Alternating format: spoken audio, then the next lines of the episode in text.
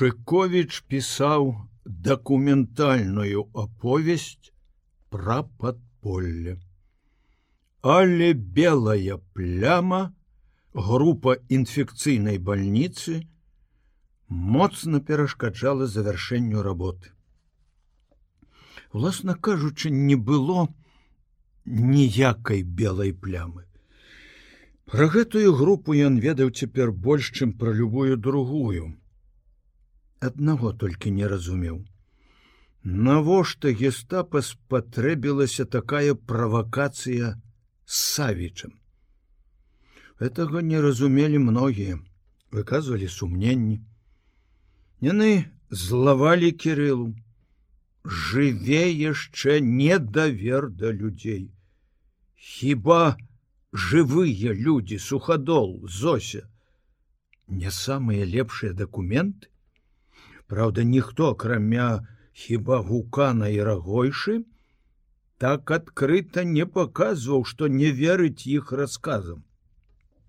Аднак недзе паміж радкамі выказванняў самых аб'ектыўных і шчырых людзей, Шковіч чытаў все-таки зося дачка суходол нейкая лекарка да таго ж не такая ўжо актыўная падпольшчыца старая жанчына якая за склерозу і даўнасці могла шмат што наблытаць. Урэшце сам даследчык зразумеў што не хапае яму той нітачки знайшоўшы якую можна разблытаць увесь клубок. Тут трэба было або шукаць гэтых кончыкаў ніткі, або секчы гордзею вузел. Ён шукаў настойліва, упарта, ездзіў у цэнтральны партызанскі архіў, доўга сядзеў там, выкарыстаўшы свой адпачынак, шукаў падпольшчыкаў. Ох, каб яму далі магчымасць, апублікаваць артыкул. Тады людзі, безумоўна, прыйшлі б самі. Тарасов абяцаў, але ўсё чамусьці адцягваў. Шыковіч у адным памыляўся. Яму здавалася, што ўсёй гэтай справай па-сапраўднаму займаецца адзін ён. Ды яшчэ яраш і ўсё. Ён не думаў, што падполлем займаюцца многія людзі по розных лініях у розных аспектах. Яго пошукі, магчыма, толькі з'явіліся тым каталізатарам, які паскорыў рэакцыю. Неўзабаве ён зразумеў гэта. У лістападзе ўжо калі за акном лёталі белыя мухі, позвоніў сербановскі, Кирыла даўно не бачыўся з капітанам і ўжо амаль страціў надзею, што той можа нечым памагчы яму. Сербановскі прасіў зайсці да яго заўтра. А сёння нельга з нецярплівасцю спытаў Шковіч, не заўтра в 11. Капітан за гэты час зрабіўся маёрам, вырас, але здавалася яшчэ больш схудзеў глыбей запалі вочы і як бы побольшалі вушы оттапырылься наперад быццам чалавек насцярожана слухоўваўся падманную цішыню вітаючыся шыковіч адчуў мазалі на яго далоні успомніў пра хворую жонку і пашкадаваў гэтага засяроджанага і відаць упартага ў любой працы чалавека. Але сервановскі нечакана выявіў даволі бадзёры настрой добрую, амаль сяброўскую прыязнасць. Што маем новае, Кирилла Васильевич. Па групе чыгуначнікаў знайшоў гару новых дакументаў. Па групе Савіча Шковіч развёў руками акрамя ўсяго іншага гэтыя людзі здорава ўмелі маўчаць але згадзіўся чекіст не дзеля ўласнай славы яны змагаліся і не думалі што нам з вами прыйдзецца не спаць начамі, каб даследаваць іх дзейнасць. Не спыняючы размовы, майор набраў нумар телефона, коротко загадаў: « Арыштаванага дымара да мяне. Шукаючы страпянуўся. Што-небудзь новае? Зараз пабачыце і пачуеце, усміхнуўся сербаноўскі. Падняўся за стола, пацягнуўся, падышоў да акна, адчыніў фортачку. Як ваш сябра яраш жыве? Шковіч насцярожыўся. Ці не дайшла і сюды у гэты старажытны будынак плётка пра сувязь Антона з Зосей, адказаў жартам: Рэжа людзей без літасці. Мне вагін расказу. Здорова ён выступіў на сесіі малайчына, але, прыйшлося каму нікаму пачухацца. Пастукалі ў дзверы, заходзьце, крыкнуў сербаноўскі. Хутка ўзяў ад сцяны крэсла, паставіў на вугал стола з таго боку, дзе сядзеў сам, кіўнуў шыковічы сюды, калі ласка. Кірыла хутка перасеў. Ён чакаў убачыць у арыштаваным грамілу з бандыцкай мордай, а ўбачыў раптам у дзвярах старога сівога сухога с пакорліва дабрадзейным выразам твару. Салдат з аўтаматам на грудях пачаў дакладаць товарищ майор сербановскі спыніў яго знакам руки посядзіце ў калідоры слухаюся товарищ майор. Шчокнули абцасы бесшумна зачыніліся дзверы стары як бы раптам успомніўшы сорваў з головы кепку. Добрый дзень грамадзянин следчы добрый дзень адказаў сербановскі як быццам і ветліва лешыкович адразу адчуў знявагу ягіду у яго голасе майор стаяў каля акна залажыўшы руки за спіну шыкович упершыню бачыў яго таким высокім стройным паважным і нават гордым Магчыма, за сваю нялёгкую, але пакуль што вельмі патрэбную прафесію. Ва всякім разе ў гэты момант ён зусім быў непадобны на таго сутулага са змораным тварам капітана, якого Шковіч некалі сустракаў на вуліцы і чамусьці не ўзлюбіў завочна, пакуль не пазнаёміўся, не пачаў разам працаваць.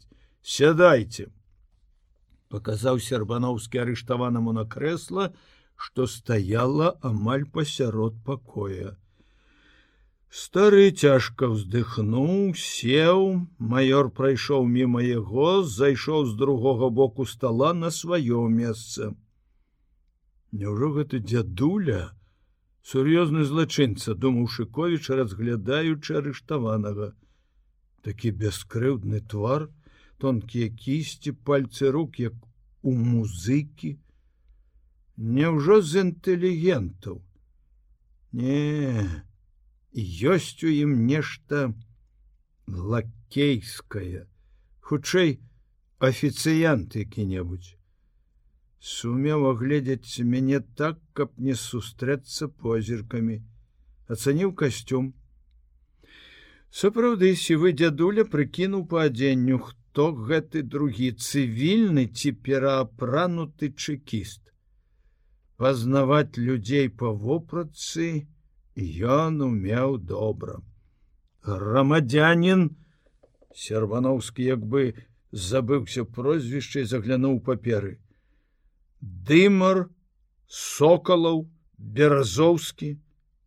Я ўсё забываю, якое з гэтых прозвішчаў, ваша сапраўдная ну дымар дымар дымар раздражнёно праскрыпеў стары сербановскі скінуў галаву сказаў я прашу вас спакайней да я спакойны грамадзянин следчы я уже спакойны і раптам скіс згорбіўся арыштаваны нахіліўся кранаючыся кепкай подлогі чым вы займаліся да вайны дымар рабіў закройшчыкам у ателье. У часе вайны трымаў сваю майстэрню кравецкую невялічкую. А яшчэ чым займаліся? Грамадзянин начальнік! Ляптам ляпнуў раптам стары кепкай по падлозе выпрастаўся упершыню не хаваючы вачэй паглядзеў на шыковіча не абрыдла вам цягнуць адно і тое ж по 10 разоў адказвайце на пытанні ну выконваў некаторыя заданні паліцыі адказаў дымар. Чые яшчэ заданні выконвалі УСД не служыў крыкнуў арыштаваны чаго не было таго не было. Я ўсё вам сказаў нагаворваць на сябе мяне не прымусіце чакайце чакайце. Не прыкідвайцеся дурнем. Нам добра вядома ўзаемаадносіны сд і паліцыі. І вам яны не горш вядомы. Якія канкрэтна заданні вы выконвалі? Прозвішча выпала ў шыковіча з галавы эпізадычная асоба яму трэба было ў працэсе запамінаць сотні розных прозвішчаў беларускіх расійскіх нямецкіх але калі ён пачуў аб прафесіі гэтага чалавека то адразу прыгадаў ярашаў рассказ. Не стрымаўся звярнуўся да сербановскага. Прабачце анатоль борисович як імя? Імя по бацьку арыштаванага адказвайте дымар. У вас же запісана пытаюць у вас. Назар авер'янович гэты тып шпіёніў за ярашам сказаў шыковіч майору. Дымар зноў выпрастаўся з неўразуменнем паглядзеў на шыковіча які задае пытанне зусім непрафесійна значится не чакіст не вышэйшы начальнік. Хто ж? Светка вы ведаеце яраша спытаў яго сербановскі. Не не адказаў здраднік. «Э, такога прозвішча не чуў. Кузьма клешч, пажарнік. Ведалі такога? Дымар на хвіліну задумаўся, непрыгожа пастарэчы, звесіўшы сківіцу, ад чаго рот пераўтварыўся ў нейкую бесформенную шчыліну, потым як бы ўзрадаўся: « Ах, клешч, пажарнік, помню, помню, прызнаюся, меў заданне прасачыць за меў меўля грамадзянин начальнік прашу запісаць гэта не выдаў не не выдаў. Хоць раскусіў что гэта за птушка. Арол! На высокой ноце як бы з захапленнем выгукнуў стары шакал і раптам хихікнуў гэта ж ён лучынскага! Фото яго пасля размножвалі. А я не выдаў. Добры чалавек спадабаўся мне. Значыцца жыве кузьма лешч. Клешч Вось вам яшчэ факт запішыце. Не выдаў я добрых людзей. Гэта запішам сказаў сербановскі. Сапраўды старанна занатоўваючы всю размову. Яго просто такі прафесійна ўзрадавала что яраш ведае здрадніка і на працэсе будзе такі аўтарытэтны сведка. Ад каго вы дымар атрымалі заданне шпіёніць за кляшчом? Все от того ж швагерова а лодке? Вы ведалі спытаў шыкович лодке? Немец? Першы раз чую у той час калі вы шпіёнілі за ярашам лодке быў механікам у пажарнай. Я пажараў не тушыў. Нахабна і нечакана дзёрзка адказаў здраднік. Вы іх распальвалі, кінуў сербановскі, запісаўшы і гэты дыялог. Нечаканыя адкрыцці далі новы матэрыял, новых сведкаў. У Шковіча цудоўная памяць у падполле ну лес грунтоўна, але ён сербановскі ведае, што больш за ўсё зараз цікавіць пісьменніка. Дзеля гэтага і паклікаў яго сюды. Узяўшы з папкі пажоўклы аркуш з вучнёўскага шытка сербановскі паказаў яго арыштаванаму. Вы пісалі Ну я, я, я! зноў раздражнёна праскрыпеў дымар. Маёр падсунуў аркуш да шыковіча. Кірыла ўбачыў тую ж запіску начальніку следча аддзела паліцыі прасавіча, якую ўжо аднойчы сербановскі паказваў яму. Ён?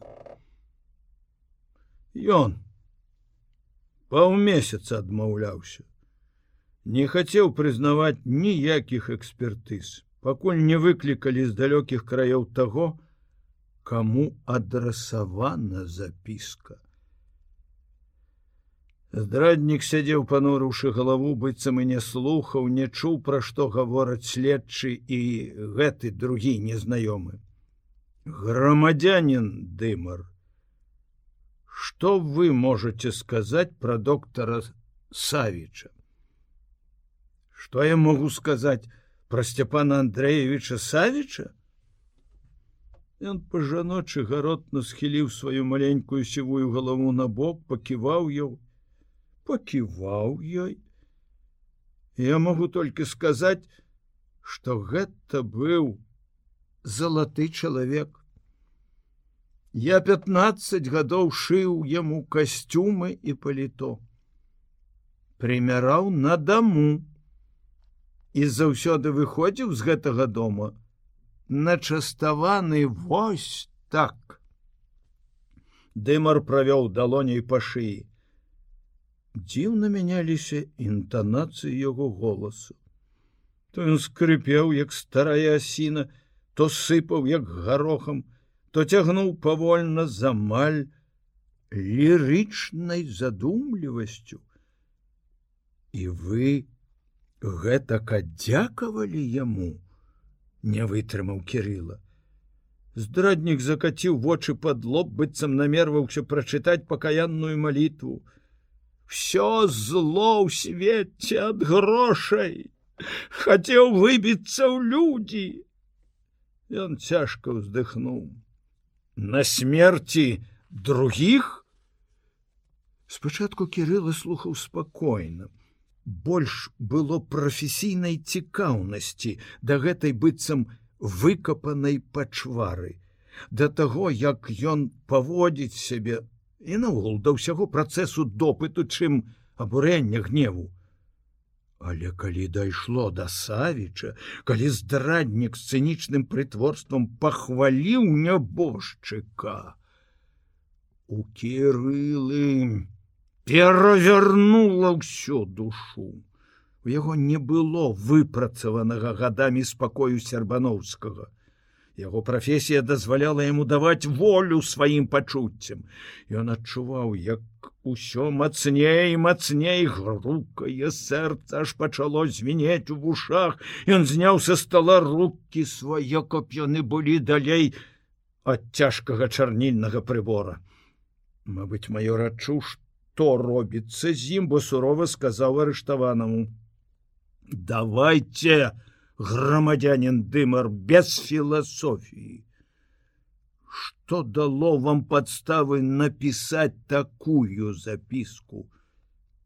Чуццё я ты каб ну не ведаў савіча як аблупленага я ніколі не верыў что ён шчыра служыць немцам.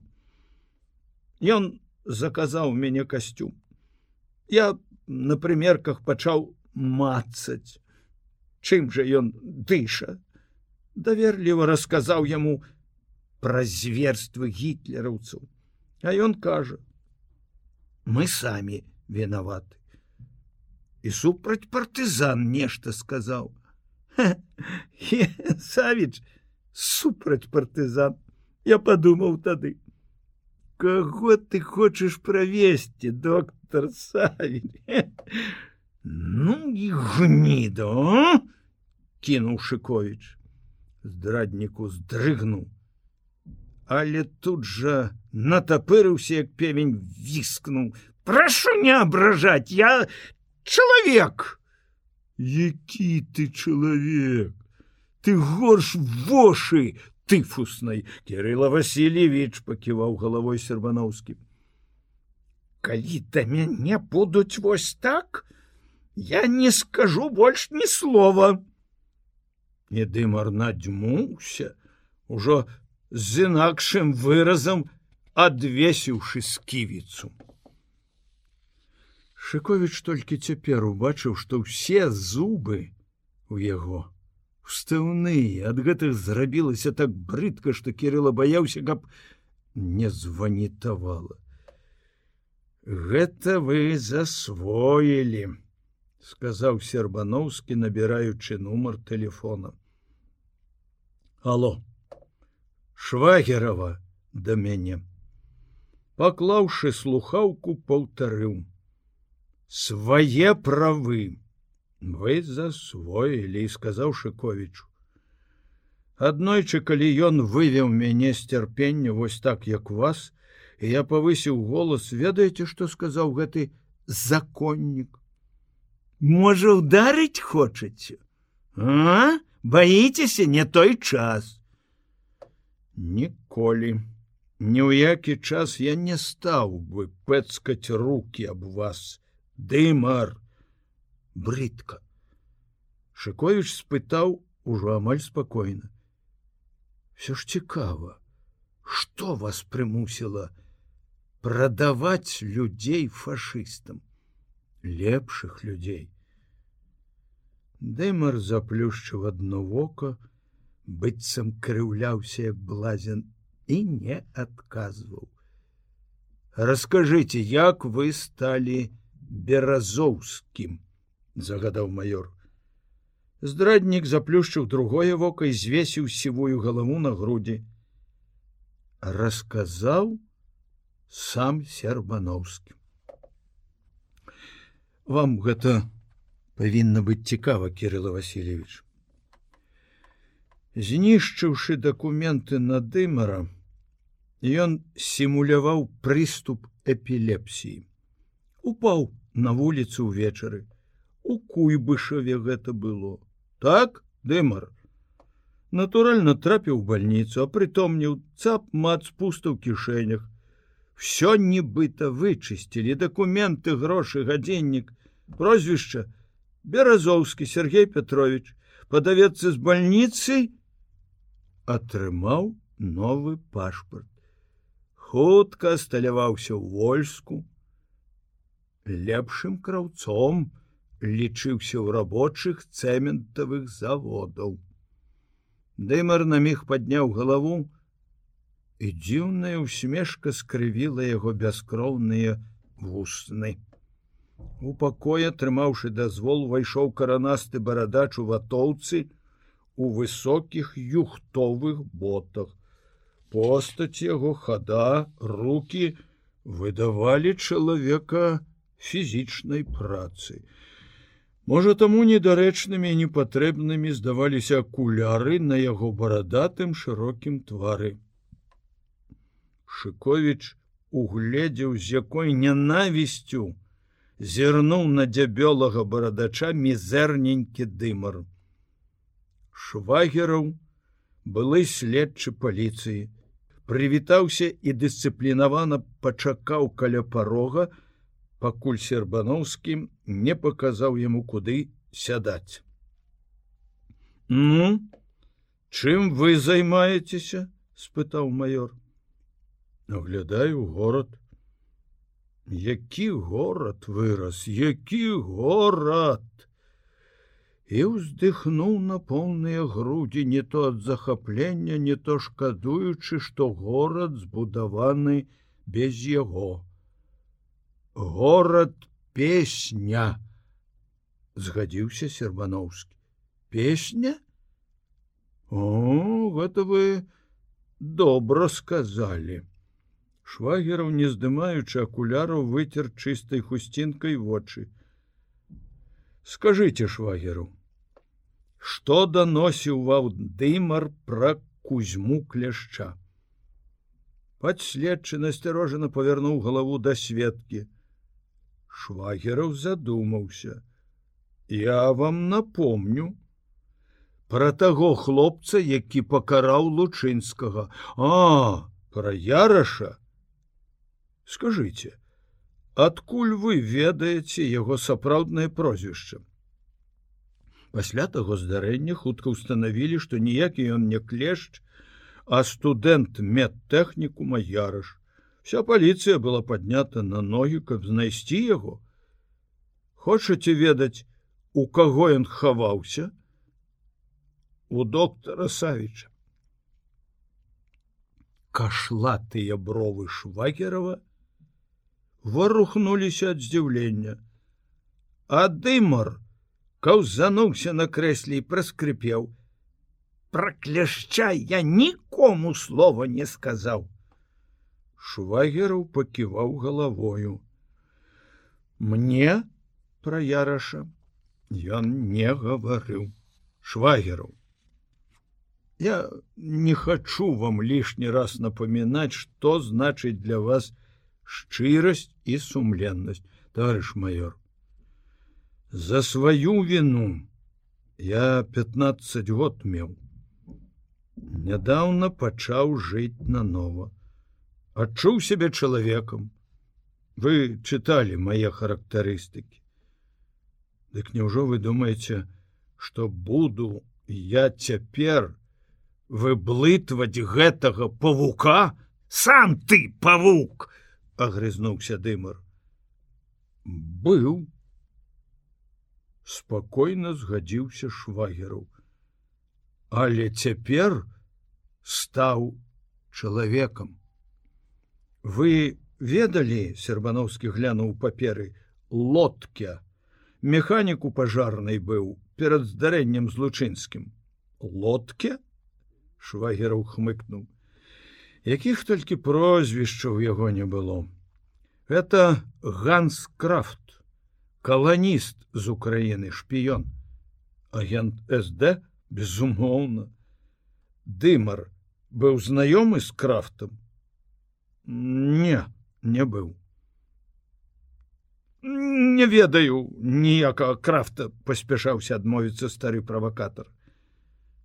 А по-мойму быў сказаў швагераў нешта мне прыпамінаць что калі ты шыў мне касцюм крафт таксама прыйшоў на прымерку тады ён быў форме чыгуначніка. Мало каму я шыў усіх ясна перапыніў сербановскі а цяпер паўтарыце коротко свае паказанні по справе з савічым швагераў зразумеў што паўтары трэба для гэтага другога незнаёмага яму чалавека ў цывільным і павярнуўся да шыковіча пачаў расказваць яму. Ну савіча мы лічылі надзейным вядома для новага парадку. Многія дзеячы выклікалі падазрэнне ён не. І раптам яго запіска кіўнуў на дымара потым на стол. Тая што ў справе. Я ведаў яго манеру. Зноў кіўнуў на свайго былога сябра. Там дзе непэўна ён гаварыў вусна дзе пэўна заўсёды пісаў каб пакінуць дакументцік відаць хлусіш праскрыпеў дымар. Навошта ж мне хлусіць Я нават разгубіўся, прызнаюся, было жаданне самому злавіць такога сама, як доктор Савіч. Падзяка, грошы, кар'ера, няхай яны спрахнуць. Мы ж там адзін аднаму не верылі, адзін аднаго хаваліся, каб перахітраваць, вырвацца ўперад. Але пабаяўся я сам вялікая адказнасць куды мне начальніку сказаў той помню таксама разгубіўся калі кажа савіч з імі з нашими значыцца з партызанамі нікому кажа з нас не будзе веры ад сд уцячэ савіч труба будзе нам Узяць яго без доказаў таксама не лягчэй адным словом. Ламаў галаву начальнік. Мне нічога не даручыў, хоць справай з медыкаментамі займаўся я. Але мы яшчэ раней дамовіліся весці яе, як звычайную крымінальную, гэта ведаеце куды прасцей.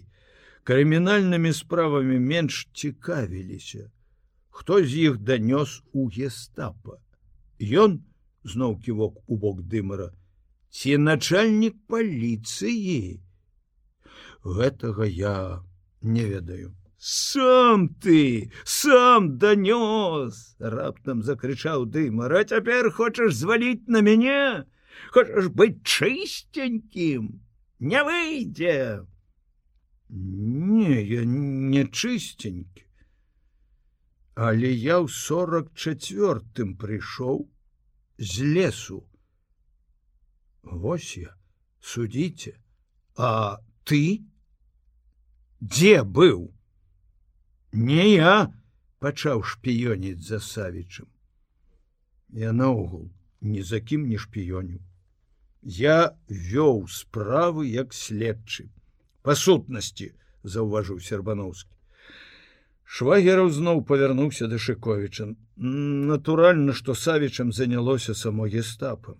Не паспелі мы агледзецца, як усё здарылася. Пасля я даведаўся, што ў дзень налёту і смерці доктара гестапа стало вядома, што ў яго хаваецца прадстаўнік партызанскага штаба. Ад каго? Якім чынам яны даведаліся пра гэта ніхто мне не сказаў. Але безумоўна гэта паскорыла развязку. У паліцыі казалі што савіч адстрэльваўся. Сапраўды былі забіты два гестапаўцы і три ці чатыры ранены. Забілі савіча ці сам застрэліўся. Про гэта маўчалі хто мог разявіць рот, калі афіцыйна было аб'яўлена, што доктара забілі партызаны. Пасля нашаму начальніку расказаў п'яны ад'ютант фельдкаменданта лейтенант Крэйман, што ў часе аперацыі доктар яны назвалі гэта цэлай аперацыяй машыны гестапа былі абстраляны з суседняга саду з аўтаматаў відаць тады і былі забіты і ранены гестапаўцы. Мяркую што гэта і навяло іх на думку аб'явіць што савіч забіты партызанамі. Вы пыталіся навошта трэба было акупантам такая правакацыя? Я так думаю баяліся прыкладу. Калі агласіць што 60гадовы доктор кіраўнік аддзела гарадской управы вёў актыўную барацьбу. Як бы гэта ўзняло дух падпольшчыкаў і ўсіх патрыётаў, а так наадварот, магло дэмаралізаваць тых, хто быў звязаны з савічым. Па гэтай справе я ведаю яшчэ, што лекар інфекцыйнай бальніцы акулава вакулава, поправіў шыкович мне добра помніцца что начальнік сказаў а кулава а можа і не так столькі прамінула год Дык вось гэтая жанчына ў калідоры гестапа па дарозе на допыт ці з допыту спрабавала вырваць у канваіра аўтамат. Вядома, была застрэлена на месцы. Мабыць, гэтага яна і хацела. Такі выпадак быў не адзіны. Скатаваныя людзі кідаліся на аўтаматы. Швагеру, Чаму ў ваших паказаннях на працэсе пра Савіча нічога не сказано. Ні следчы, ні суддзі, пэўна, не надалі запісцы ўвагі і не націскалі на гэты факт. А каму, грамадзянин начальнік, хацелася браць на сябе лішнюю справу, каб атрымаць вышку, военный час военный трибунал мое шчасце что я сам з'явіўся. Шыкович спытаў пра другія групы пра правалы хто вінаваты хто выдаў.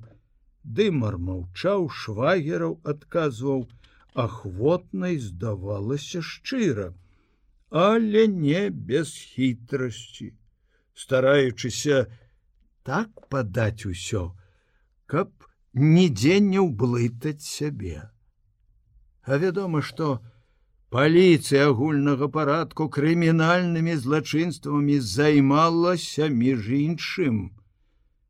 І ў большасці выпадкаў забойцаў, рабаўнікоў, зладзеяў рабіла правакатарамі агентамі, Галоўная дзейнасць паліцыі, у тым ліку і следча аддзела была скіравана на выкрыццё савецкіх патрыётаў, на дапамогу гестапа і СД.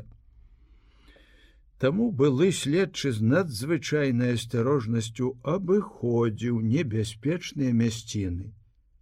Але Шковічы сербаноўскі ведалі значна больш, чым думалася швагеру мелі магчымасць супаставіць факты, параўнаць яго паказанні з іншымі крыніцамі. Што-нішто ён усё-таки праясніў і ўдакладніў.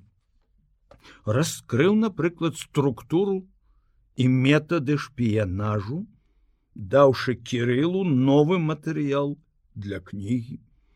Калі нарэшце арыштаванага адвялі, а светка пайшоў чакаць вырашэння свайго лёсу застанецца ён толькі сведкам ці сядзе на лаву побач з агентам сербановскі сказаў Вось цяпер я думаю ніхто ўжо не затрымае ваш артыкул вставляйте запіску карыстайцеся протаколам допыту і друкуйте толькі назву прыйдзецца мяняць. Думаю, што больш не існуе пытанне, хто ж такі доктор Савіч. Асабіста для мяне яно даўно не існавала, але патрабаваліся доказы. Дякую вам. Няма за што. Святы абавязак. Як вам удалося, выкапаць гэтага дыназаўра. Няхай гэта застанецца нашай прафесійнай тайнай. Яны хорашам, з разуменнем усміхнуліся адзін аднаму, як два добрыя сябры, якія агульнымі сіламі зрабілі карысную справу. Хадзем да Зосі. Я люблю прыносіць людзям добрыя весткі. Яраш надзвычай узбуджаны расказам пра дымара, хадзіў па сваім кабінеце, прыгадваў паводзіны агента, калі той сачыў за ім, выкрываў філасофію здрады, нечаканая прапанова кірылы захапіла яго знянацку. Да Зосі ён спыніўся каля акна, і як бы раптам патух. Вся яго магутная і прыгожая постаць у чорным світары ў нейкім міг зрабілася каржакавата нязграбнай. Ён згорбіўся, выгнуў шыю, быццам убачыў нешта незвычайнае ў белай ваце паміж рамамі. Няўжо баішся, укалоў кірыла без злоснага намеру. Яраш круто павярнуўся да сябра, на твар яго з'явілася пакутлівая грымаса. Я даў клятву Галі. Ох, людзі добрыя, ну да чаго мы дажылі? Я ніколі не парушаў сваіх клятваў голос Антона Кузьміча упаў да шэпту. Кірыла ўзлаваўся, падхапіўся, адскочыўшы ад крэсла як гумавы мяч, пакаціўся да кніжных палей, што займалі ўсю сцяну, загрымеў на поўны голас, забыўшыся, што ў суседнім пакоі Наташа. Ты прабач, я паважаю клятвы, паважаю галіну, але калі на кожны бабскі капрыз, не будзеш жыцця. Яраж знесілена опусціўся у тое ж мяккае кресло, дзе толькі што сядзеў шыковіч, выцер далонямі твар. Кінь ты. Я сам ведаю, але калі не хапае розуму, я ўжо казаў табе звычайнай інтэлігентнасці ну што рабіць скажы інжынер душ пасля прымірэння галіна вырвала ў яго гэтую клятву што ён ніколі больш не наведае зосі Ён пакляўся з бяздумнай лёгкасцю абы замацаваць прымірэнне бо бачыў як цяжка перажываюць разлад дзеці. Пасля зразумеў, што такая клятва абражае яго. Хіба ён у чым вінаваты? Магчыма, у яго і не было б патрэбы і ахвоты заходзіць больш да зосі, а цяпер яму рабілася брыдка за ўласную слабасць і бязвольнасць. І часта хацелася пайсці да зосі на злость жонцы. Дзіўна, што жаданне такое мацнела з кожным днём ён змагаўся з ім, ён сумленны чалавек і сапраўды ніколі не парушыў свае клятвы. Урэшце справа не ў клятве. Ён просто вышэй за ўсё гэта і не дазволіць, каб подласць плеткароў і жончына неразумнасць давялі іх да разрыву то было б трагедыяй. І для іх абаіх яшчэ большай для Віктора і Наташы. Так ён думаў. Але ад гэтай лагічнай разважлівасці не рабілася лягчэй. Ён мог усё дараваць але нічога не дараваў сабе. Памылак слабасці неразумных слоў непатрэбных учынкаў. У той міг ён пазайздросціў шыковічу і ўзлаваўся за гэта на сябе і на яго. Кирилла раптам спыніў разважанні які ён было пачаў аб ролі мужа у выхаванні жонкі. Мабыць ён адчуў што сябру непрыемна і цяжка выслухоўваць гэта А можа, упершыню адчуў непавагу да таго, кім захапляўся, хаваючы сваё захапленне за кепліва жартаўлівымі словамі. Яшчэ ўлетку на дачы ён неяк сказаў пра яраша такі вялікі і такі маленькі перад жонкай. Это быў жарт.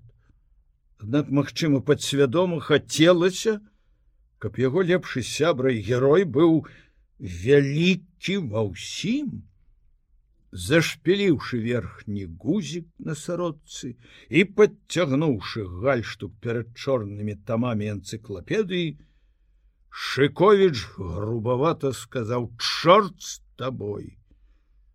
Пайду адзін і рушыў да дзвярэй. Суседнім пакоі зірнуў цераз Наташа на плячоў кнігу, якую дзяўчынка чытала, дакрануўся далоней, да яе белых шаўкавістых валасоў.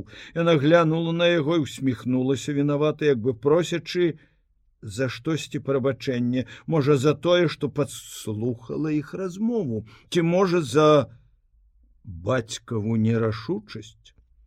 Кірыла апранаўся ў калідоры. Калі выйшаў Антон, ён таксама пачаў моўчкі апранацца пра зачыненыя дзверы, Наташа глядела на бацьку з ухвалай і страхам, нібы несла адказнасць за яго ўчынкі. На дворе добра прымарозіла, у паветры кружыліся сняжынкі, але асфальт вуліцы быў сухі і шэры ў цьмяным святле ліхтароў пабялелі толькі лункі каля ліп і каштанаў. Шковіч даўно ўжо прыкмеціў: У іх горадзе найбольшы рух на тых вуліцах, што ідуць паралельна цэнтральнай, а на тых, што перасякаюць яе, нават у нядзелю ціха і бязлюдна.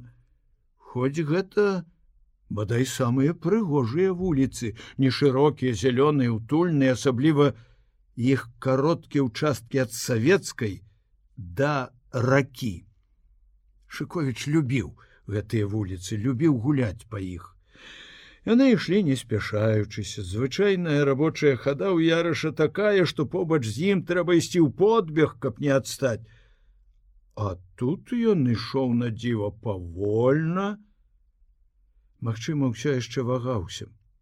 Яны як бы знарок забыліся да каго і з якой прычыны ідуць. Што, аднак, ты думаеш рабіць з дачай?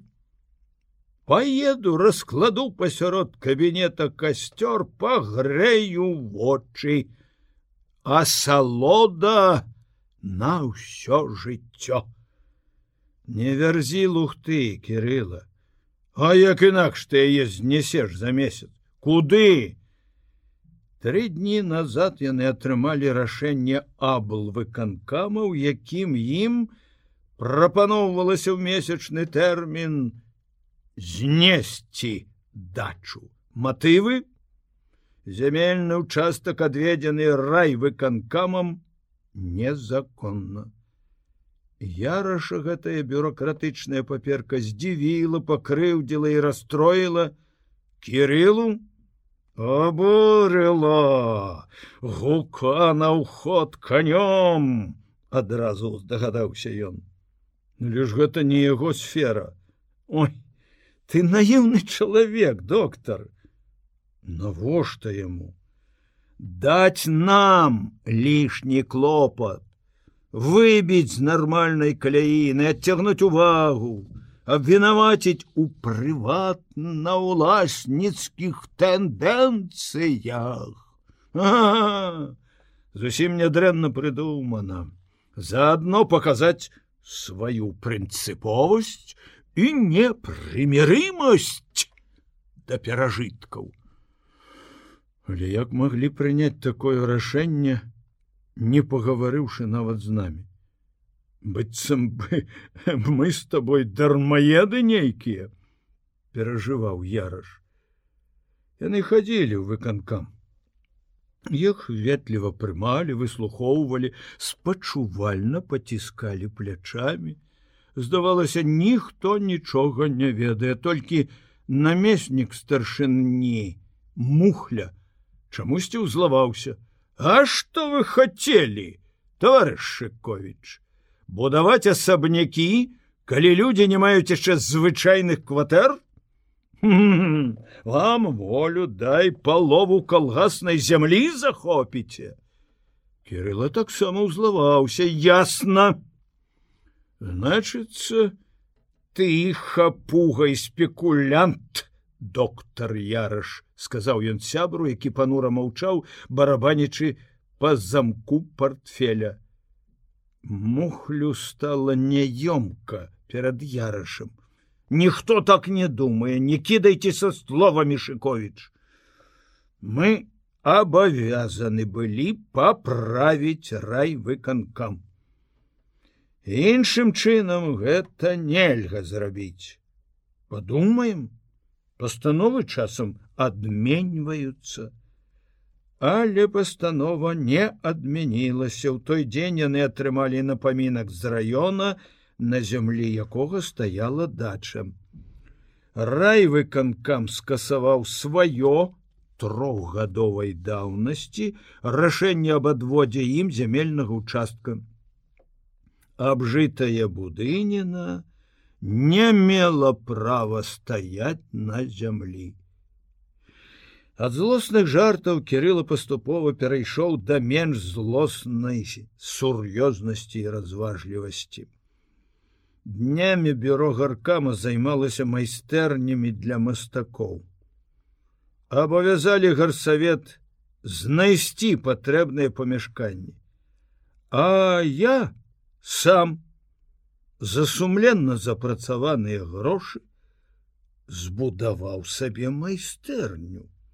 Мне не дача патрэбна, мне трэба цішыня.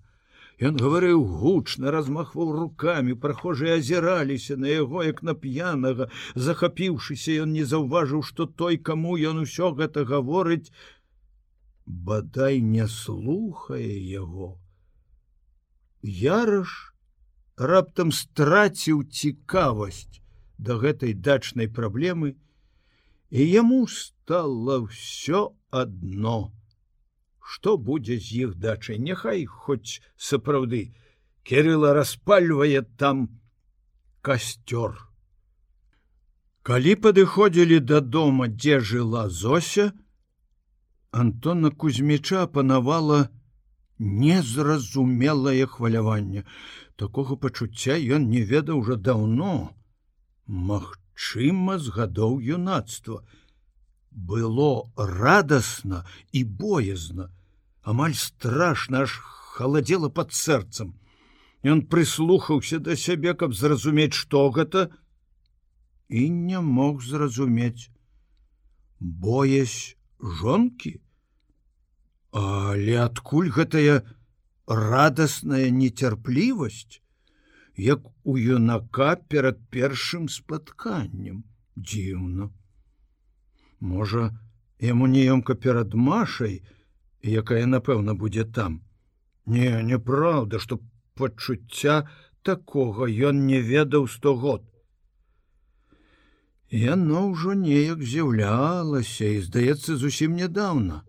Калі з якой прычыны нешта знаёмае блізкае і адначасова далёкае забытае пэўна адно парушана душэўная раўнавага. Кім ці чым?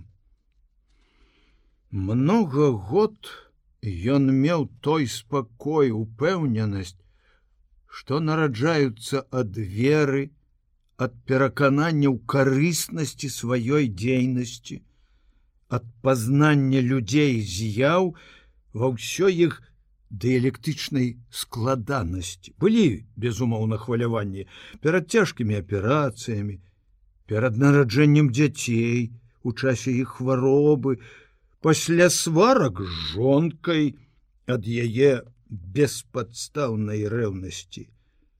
Але ўсё гэта было, просто і ясно як божий дзень. Яно ядналася адным акрэсленым паняццем быццё а гэтае хваляванне не падобна ні на адно з тых ранейшых.